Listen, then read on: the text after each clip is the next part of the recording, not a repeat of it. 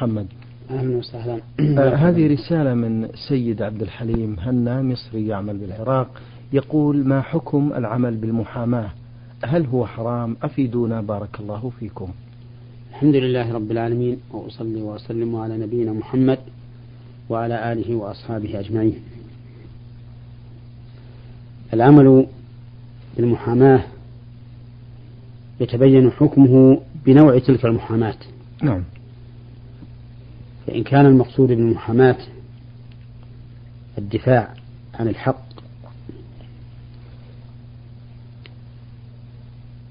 ومهاجمة أهل الباطل فإن هذا لا بأس به بل قد يكون واجبا لأن الدفاع عن الحق واجب وما لا يتم الواجب إلا به فهو واجب. وأما إذا كان العمل بالمحاماة من أجل انتصار الإنسان لقوله وأكله ما يأكله على هذا العمل من الأموال دون النظر إلى كونه موافقا للحق أو مخالفا له فإن هذا حرام ولا يجوز. وعلى الإنسان أن ينظر في أمره هل هو يريد أن يدافع عن الحق وأن يحمي حوزة الحق؟ فليعمل في ذلك؟ أما إذا كان لا يريد إلا أن يأخذ ما يأخذه من المال من أجل محاماته ويحرص على أن يكون قوله هو القاطع الفاصل وإن كان باطلا فإن ذلك حرام. بارك الله فيكم. آه، أيضا آه، يسأل ويقول إذا حلف الرجل بالطلاق على زوجته وهي لا تدري بهذا. آه، فما حكم الشرع في نظركم في هذا؟ قبل الإجابة على هذا السؤال أحب أن أوجه نصيحة إلى إخواننا المسلمين. بأن لا يعتادوا على الحلف بالطلاق. فإن النبي صلى الله عليه وسلم قال من كان حالفا فليحلف بالله أو ليصمت. والحلف بالطلاق اختلف فيه أهل العلم. فمنهم من يرى أن الطلاق يقع به مطلقا. فإذا قال إن فعلت كذا فزوجتي طالق. نعم. أو إن لم أو إن لم أفعل كذا فزوجتي طالق. فخالف. فرأى بعض أهل العلم أن زوجته تطلق بكل حال. لأنه علق الطلاق على شرط فتحقق ذلك الشرط. ورأى بعض أهل العلم أن ذلك يختلف بحسب نيتهم فإذا كان قصده وقوع الطلاق على زوجته بالمخالفة وقع الطلاق. وإن كان قصده تأكيد الامتناع من هذا الشيء أو تأكيد فعل هذا الشيء أو تهديد زوجته إن كان ذلك موجها إليها فإن ذلك في حكم اليمين ولا يقع به الطلاق بالمخالفة. وإنما يجب عليه كفارة يمين. وإذا كان هذا خلاف أهل العلم في هذه المسألة فإن الواجب على المرء أن ينزه لسانه من ذلك. وإذا أراد أن يحلف فليحلف بالله أو ليصمت. والأقرب من أقوال أهل من قول من أقوال أهل العلم في هذه المسألة أنه على حسب ما نوى هذا الحالف بالطلاق. فإن قصد اليمين فهو يمين وإن قصد الطلاق فهو طلاق بعموم قول النبي صلى الله عليه وسلم إنما الأعمال بالنيات وإنما لكل امرئ ما نوى. شكر الله لكم. آه، أيضا يسأل في رسالته الأخيرة ويقول آه، أنا أعمل آه، في يوم الجمعة لظروف العمل والمسؤول لا يعطيني فرصة لقضاء صلاة الجمعة. ما حكم الشرع في نظركم في هذا؟ وما هو الواجب علي أن أتبعه؟ صلاة الجمعة واجبة على كل مسلم إذا سمع النداء أن يجيب. لقول الله تعالى يا أيها الذين آمنوا إذا نودي للصلاة من يوم الجمعة فاسعوا إلى ذكر الله. فإن كان مكانك بعيدا المسجد كما لو كان في المزارع خارج البلد ولا تسمع النداء فإنه ليس عليك صلاة الجمعة في هذه الحال. نعم. وإنما تصلي ظهرا. أما إذا كنت داخل البلد وتسمع أذان الجمعة وصاحبك يمنعك من حضورها فإن المرجع في ذلك إلى المحكمة عندكم. وهي بنفس وهي بدورها تقوم بما يجب نحو هذا الرجل. شكر الله لكم.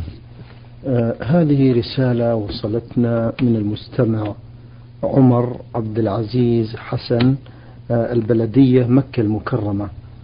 آه له آه عدة أسئلة يبدأها ويقول ما هي المسافة التي ينبغي أن تكون بين موضع سجود المصلي والمار بين يديه آه، مع توضيح الدليل. بارك الله فيكم.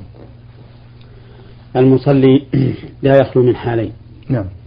إما أن يتخذ سترة له يضعها أمامه فتكون هي الحائل بينه وبين المار بين يديه ولا يحل لأحد أن يمر بينه وبين سترته. فإن حاول أحد أن يمر بينه وبين سترته فإنه يدفعه. فإن أبى فليقاتله فإنما هو شيطان كما ثبت بذلك الحديث عن النبي صلى الله عليه وسلم. الحال الثانية أن لا يكون له سترة. فإذا لم يكن له سترة فإن من أهل العلم من يقول إن المسافة ثلاثة أذرع من قدميه فما دونها لا يحل لأحد أن يمر منه. وما وراءها فإنه لا حرج بالمرور منه. وقال بعض أهل العلم إذا لم يكن له سترة فإن حد ذلك موضع سجوده. فما كان من وراء موضع سجوده فلا حرج على الإنسان أن يمر به. وهذا أقرب إلى الصواب. إلا إذا كان للإنسان مصلى خاص يصلي عليه فإنه لا لا يحل لأحد أن يمر بينه وبين منتهى هذا المصلى الخاص. نعم. شكر الله لكم.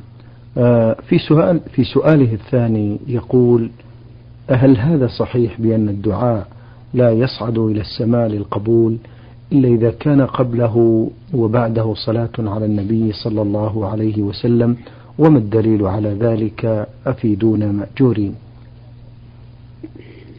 الصلاة على النبي صلى الله عليه وسلم قبل الدعاء والبداءة بحمد الله والثناء عليه قبل الدعاء هذا هو الأفضل وهو المشروع. فإذا أراد أحد أن يدعو الله عز وجل فليبدأ بحمد الله والثناء عليه ثم الصلاة على النبي صلى الله عليه وسلم ثم يدعو بما شاء. ولو دعا بدون ذلك فلا حرج عليه فيه. وليس تركه للحمد والثناء على الله تعالى والصلاة على رسوله صلى الله عليه وسلم بمانع من قبول دعوته. بل قد يقبل دعاؤه وإن لم يفعل. وأما الدعاء وأما الحديث الذي أشار إليه نعم. فإنه ما يذكر عن النبي صلى الله عليه وسلم من قوله الدعاء موقوف بين السماء والأرض حتى تصلي على نبيك. ولكنه لا يحضرني الآن مدى صحة هذا الحديث. نعم. شكر الله لكم. في سؤال الأخ عمر عبد العزيز حسن من مكة المكرمة يقول آه، شخص آه، لحق الإمام في التشهد الأخير فهل يكتفي بقراءة التشهد أم يصلي على النبي صلى الله عليه وسلم ويدعو كذلك؟ مع الدليل أفيدون بذلك. إذا أدرك الإمام في التشهد فإنه يدخل معه ويقرأ التشهد ويستمر حتى ينهيه. لأنه إنما جلس في هذا الموطن متابعة لإمامه. فليكن تابعا لإمامه في الجلوس وفي الذكر المشروع في هذا الجلوس.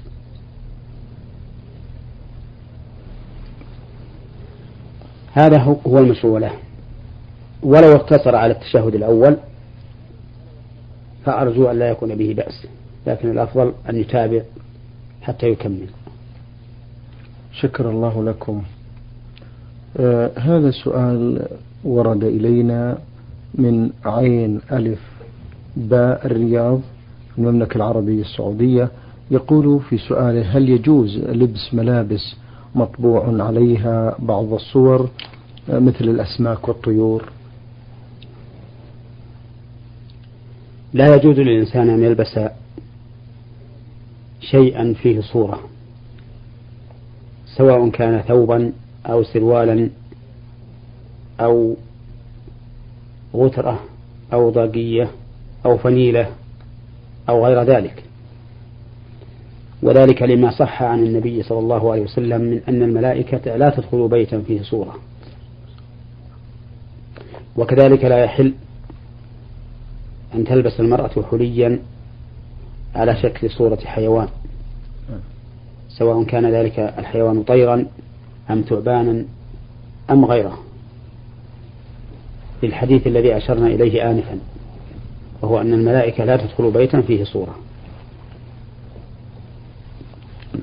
شكر الله لكم.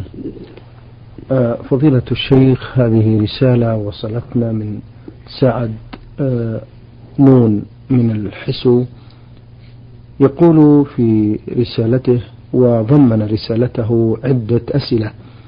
في سؤاله الأول يقول عندي كلاب مربيها وهي ليست من كلاب الصيد المعروفة فهل صيدها أي عندما تصيد حلال أم حرام؟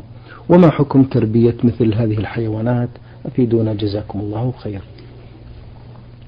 لا يحل للإنسان أن يقتني كلبا إلا أن يكون كلب صيد أو حرث أو ماشية. كما ثبت بذلك الحديث عن النبي صلى الله عليه وسلم. وهذه الكلاب التي أشارها إليها السائل إن كان يقتنيها ليمرنها على الصيد حتى تصطاد فإنه لا حرج عليه في ذلك. لقوله تعالى وما علمتم من الجوارح المكلبين تعلمونهن مما علمكم الله فكلوا مما أمسكنا عليكم واذكروا اسم الله عليه واتقوا الله إن الله سريع الحساب. وأما إذا كان يقتنيها لمجرد هوايته لها فإن هذا حرام عليه ولا يجوز وينتقص من أجله كل يوم قيراط وبهذه المناسبة أود أن أنبه على ما يفعله كثير من المترفين باقتناء الكلاب في بيوتهم بل ربما يشترونها بأثمان باهظة مع أن النبي عليه الصلاة والسلام نهى عن ثمن الكلب. يفعلون ذلك تقليدا لغير المسلمين. ومن المعلوم أن تقليد غير المسلمين فيما كان محرما أو فيما كان من خصائصهم أمر لا يجوز. لقول النبي صلى الله عليه وسلم من تشبه بقوم فهو منهم. فنصيحتي لهؤلاء الأخوة أن يتقوا الله عز وجل وأن يحفظوا فلوسهم وأن يحفظوا أجورهم وثوابهم من النقص وأن يدعوا هذه الكلاب ويتوبوا إلى الله سبحانه وتعالى ومن تاب تاب الله عليه. شكر الله لكم. آه، في رسالة في رسالته الثانية يقول أنا أحد رعاة الأغنام وأحيانا لا يتوفر لدي الماء عند وقت الصلاة فهل يجوز لي التيمم علما بأنني أقضي حاجتي عند بعض الأوقات؟ أفيدونا بارك الله فيكم. نعم. إذا كنت راعيا للغنم وحضرت الصلاة وليس عندك ماء فإن الله عز وجل أباح لك التيمم. قال النبي صلى الله عليه وسلم فيما ذكر من خصائصه التي أخصه الله بها وأمته. قال عليه الصلاة والسلام وجعلت للأرض مسجدا وطهورا. فأيما رجل أدركته الصلاة فليصلي. فإذا أدركتك الصلاة فصلي. إن كان عندك ماء تطهرت به وإن لم يكن عندك مال تطهرت بالتراب. ويجزئك ذلك. بارك الله فيكم. آه هذه رسالة من مصباح محمد أحمد من السودان. يقول في رسالته هل لحم التمساح والسلحفات حلال أم حرام؟ لأن هذه كلها عندنا في السودان. أفيدونا بارك الله فيكم.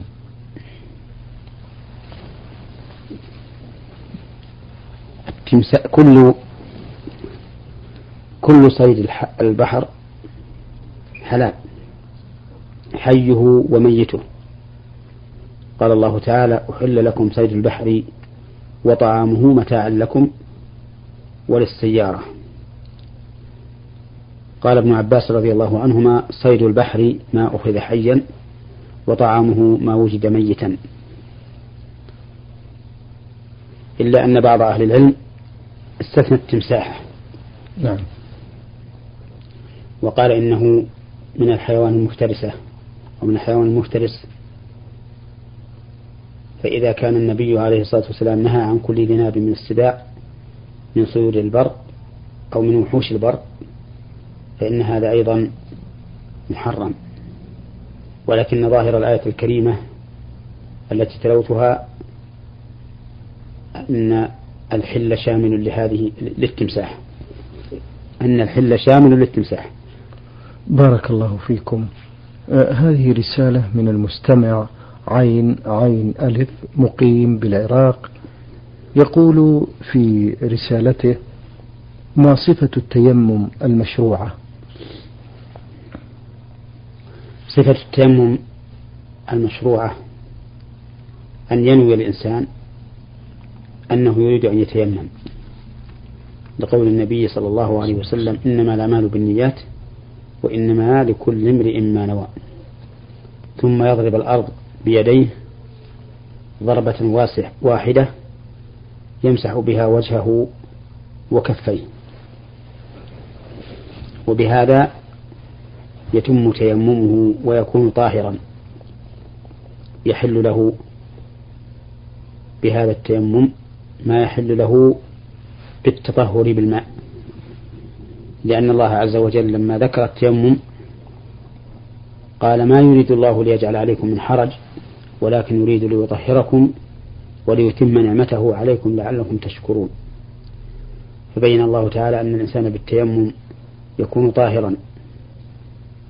وقال النبي صلى الله عليه وسلم جعلت لي الأرض مسجدا وطهورا والطهور بفتح ما يتطهر به. ولهذا كان القول الراجح من أقوال أهل العلم أن التيمم رافع للحدث. ما دام الإنسان لم يجد الماء فيجوز له إذا تيمم أن يصلي ما شاء من فروض ونوافل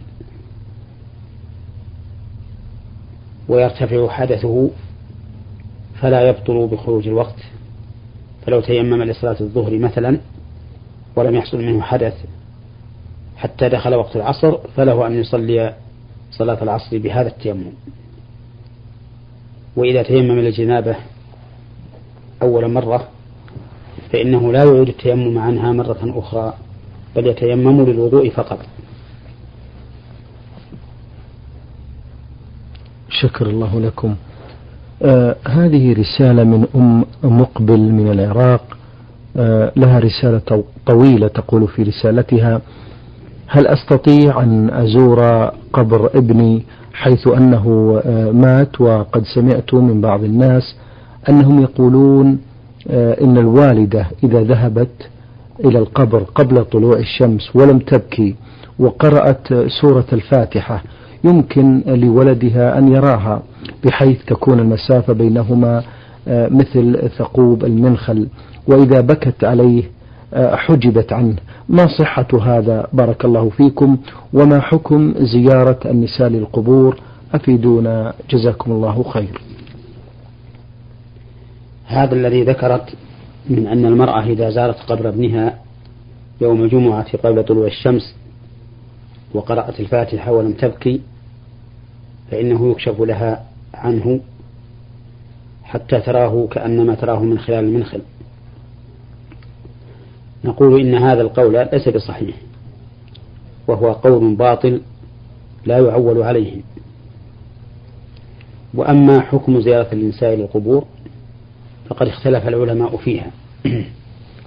فمنهم من كرهها ومنهم من أباحها إذا لم تشتمل على محظور ومنهم من حرمها. والصحيح الراجح عندي من أقوال أهل العلم أن زيارة النساء إلى القبور حرام. نعم.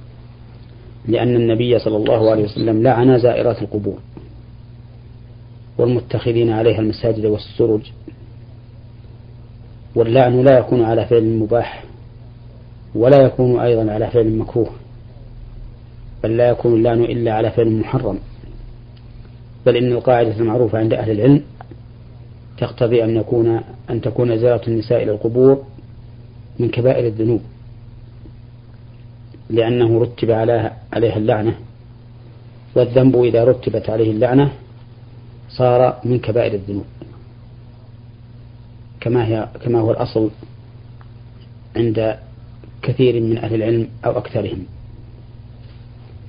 وعلى هذا فإن نصيحتي لهذه المرأة التي توفي ولدها أن تكثر من الاستغفار والدعاء له وهي في بيتها.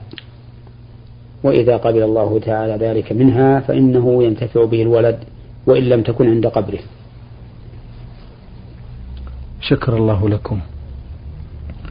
آه هذه رسالة من عمي من عماد أمين الرد. يقول في رسالته قضيت فترة من الزمن أي ما, أي ما يقارب من, العش من العشرة أيام وأنا أصلي بالتيمم وكنت أتيمم على صخرة لصعوبة الحصول على الماء فهل يجب علي إعادة الصلاة؟ أفيدوني في ذلك بارك الله فيكم. لا يجب عليك إعادة الصلاة إذا كنت حين التيمم لا تستطيع استعمال الماء. لأن الله عز وجل قال وإن كنتم مرضى أو على سفر أو جاء أحد منكم من الغائط أو لامستم النساء فلم تجدوا ماء فتيمموا صعيدا طيبا فامسحوا بوجوهكم وأيديكم منه. ما يريد الله ليجعل, ليجعل عليكم من حرج ولكن يريد ليطهركم وليتم نعمته عليكم لعلكم تشكرون. وقال النبي صلى الله عليه وسلم جعلت الأرض مسجدا وطهورا فأيما رجل من أمتي أدركته الصلاة فليصل. فإذا كنت غير مستطيع لاستعمال الماء وتيممت ولو بقيت مدة طويلة تصلي بهذا التيمم ولو بقيت مدة طويلة تصلي بالتيمم فإنه لا شيء عليك ما دام الشرط موجودا وهو وهو تعذر استعمال الماء. شكر الله لكم. آه هذه رسالة وصلتنا من أحمد إبراهيم شاهين مصري يعمل بالمملكة. يقول في رسالته لقد حلفت في يوم من الأيام وأنا في المملكة على زوجتي بالطلاق. إذا ذهبت وحضرت فرح أو زواج أختها. ثم بعد ذلك أرسل إلي خالي وهو أيضا والد زوجتي تليفونا قبل الفرح. بيوم يترجاني بأن أقول لزوجتي أن تذهب لفرح أختها وفعلا قلت لها اذهبي فما حكم الشرع في نظركم في هذا؟ وفقكم الله. هذا الجواب أو هذا السؤال تقدم الجواب عليه قبل قليل في هذه الحلقة. نعم. وبينا أن من كان حالفا فليحلف بالله أو ليصمت. ثم إني أقول لهذا الأخ الذي حلف على زوجته ألا تذهب لهذه المناسبة. أقول له إنه لا ينبغي لك أن تحجر على زوجتك في أمر ليس عليها فيه ليس عليها فيه ضرر ولا يخاف منه الفتنة. بل إن الذي ينبغي أن تعاشرها بالمعروف. ولا شك أن المرأة في مثل هذه المناسبات تذهب إلى من كانت عندهم هذه المناسبة ويرى الناس أن منعها من ذلك فيه إجحاف وفيه جور عليها.